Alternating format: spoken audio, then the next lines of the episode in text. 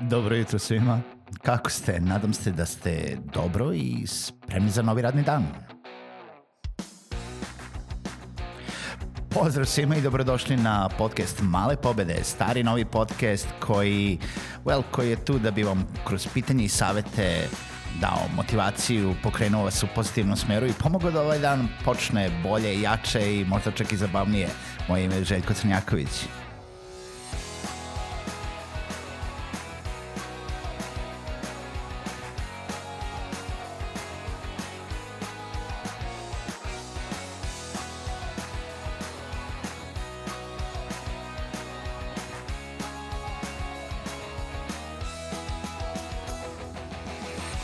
Pozdrav svima, dobro jutro i dobrodošli u još jednu epizodu podcasta Male pobede. Petak je, kraj nedelje je i želim da vas ostavim sa e, nekim pozitivnim mislima za vikend, ali možda i malo da vam dignem šećer, ovaj, jer um, video sam i pričao sam u poslednjih par dana sa nekoliko prijatelja koji su bili u situaciji uh, koju želim da pomenem. A situacija je sledeća. Šta radite u momentima kada uh, vaša konkurencija počne da nudi istu uslugu ili proizvod koji i vi nudite, jer je konkurencija ispod cene? Šta radite kada počnu da se javljaju ljudi koji obaraju vašu cenu? Uh, kako se vi osjećate? I znam da su tu sada prvo um, haos i osjećanja, besa, um, nepoverenja i na neki način najviše u stvari verovatno besa oko toga kako neki ljudi mogu da, jel da, iznevere tu neku profesiju i ne samo obore cenu zarad svoje usluge, nego jednostavno obaraju cene u, cel, u celoj branši kao takvi toga će uvek biti. Treba da budemo svesni da je konkurencija, koliko, koliko je loša, jel da, imati konkurenciju, toliko je dobra stvar, jer nas tera da budemo bolji, tera nas da budemo uh, na neki način da unapređujemo svoje usluge i da budemo uvek jedan korak uh, bliži našim klijentima, i da vidimo kako ćemo da se istaknemo. Samim tim uvek će biti neko ko obara cene. Nebitno da li su oni, uh, pa ne znam, druga agencija ili su drugi freelanceri i nebitno iz kog dela sveta su. Uh, kada pričamo pogotovo u globalnom tržištu, uh, činjenica jeste da standard života nije svuda isti. I ono što su nama što nama znači neki određeni nivo para, to nije isto, nebitno da li ste u Americi, u Engleskoj, u Nemačkoj ili da ste negdje na Bliskom istoku u nekim manje razvijenim zemljama. 100 dolara znači sa 100 dolara kod nas možete više nego što možete u Americi, a sa druge strane možete mnogo manje nego što mogu oni tamo u Pakistanu uh, i Indiji. Uh, I neko, ne znam, ja se sećam jednog uh, kolege sa Filipina koji je na 100 dolara mogu da živi dva meseca. Realno. Tako da nije čudo da uh, u različitim delovima sveta koristići iste, ako pričamo o istim uslugama koje se nude, se nude različite cene. Naravno, tu je i različiti kvalitet cena i uvek morate da mislite o tome šta vi to tačno nudite vašem klijentu. I kada sam pomenuo da nas konkurencija tera da budemo bolji i da nudimo nešto posebno klijentu, na tome želim da se zadržim i na tome želim da vam skrenem pažnju. Znači, nebitno je koliko se pojavi neka konkurencija koja obara cenu. Osim u slučajevima kada, ni, kada niste bezobrazno iznad cene. Kada niste bezobrazno iznad cene, a da to ne opravdava vaš kvalitet ili unikatnost e, neke usluge ili nekog proizvoda. Znači, sada ukoliko ste jedini, možete naravno da naplatite nešto što je možda bezazleno vama nekoliko desetina ili stotina puta više nego što to zapravo vredi.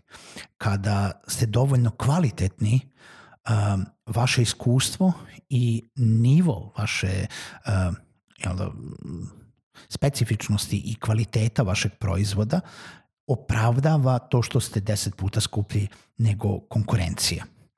Ali kada ste tu u nekom istom nivou, Kada, kada ne možete jasno da se predstavite klijentu i kada klijent ne zna, mislim on realno gledajući možda vas, i to sad možda, kažem, kada gledamo u nekom istom rangu, gledajući vas ili tu neku vašu konkurenciju koja je krenula da obara cene, ne može da napravi tu neku razliku, onda je na vama da ubedite klijenta i da koristite vaše jel da, prodajne sposobnosti kako bi opravdali tu cenu.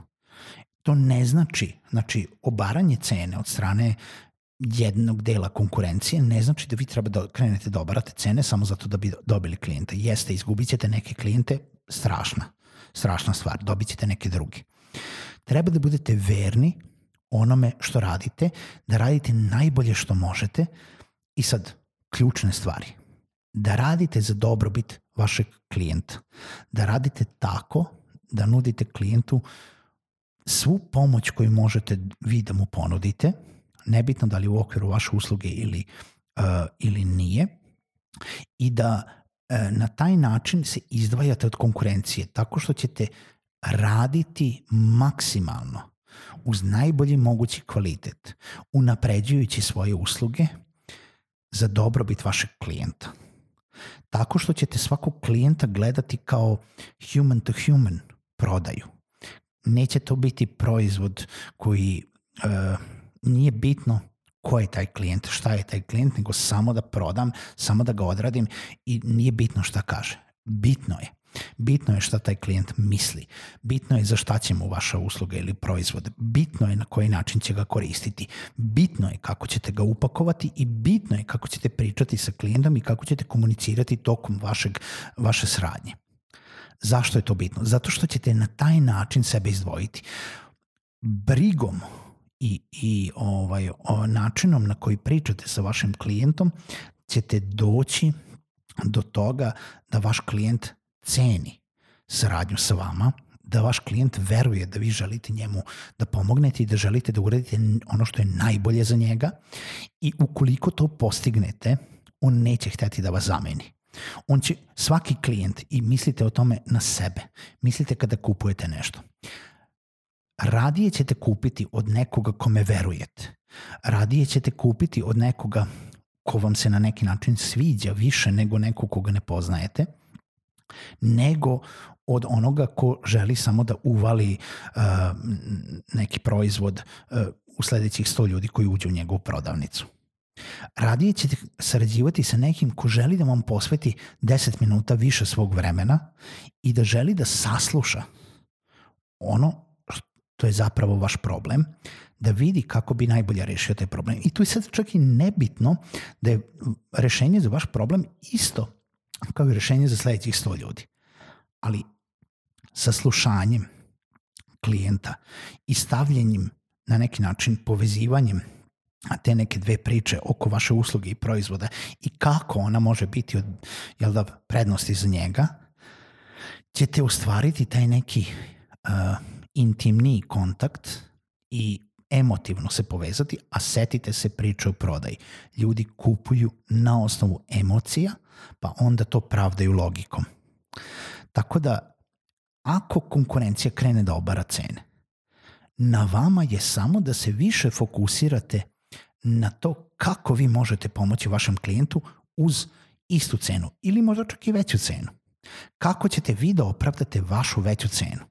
Tako što više ulažete sebe u vaš proizvod, u njegov proizvod šta više, u klijentov proizvod, uslugu, šta god. Kako ćete uh, vi da opravdate to da ste, ne znam, 5% skuplji. Na, naravno treba da vidite i ono šta je realnost. Zašto je klijent, zašto je ta, ta neka agencija oborila cenu? Zašto je freelancer oborio cenu? Zato što je freelancer pa živio u nekoj drugoj zemlji gde mu je ovaj, uh, ne znam, uslovi života su mu mu to dozvoljavaju, ili je oborio cenu samo zato da bi dobio ovog klijenta, ili je oborio cenu zato što ima jeftinu radnu snagu, ili uh, je oborio cenu kao marketinški potez zato što je suviše veliki, uh, pa onda može sebi da dozvoli taj, taj neki uh, pad jel da, prihoda zato da bi posle imao povećanje.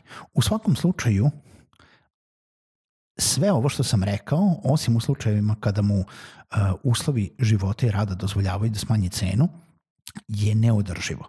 Znači, ukoliko smanjuje cenu samo kao marketinški potez ili samo zato da bi dobio klijenta, vidjet ćete da je to na dugi rok neodrživo. Možda radi na više na kvantitet nego na kvalitet.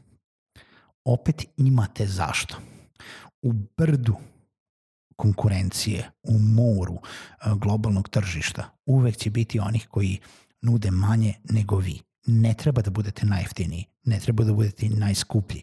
Treba da date kompletno sebe u uslugu ili proizvod koji nudite i naći ćete način da se povežete sa klijentom.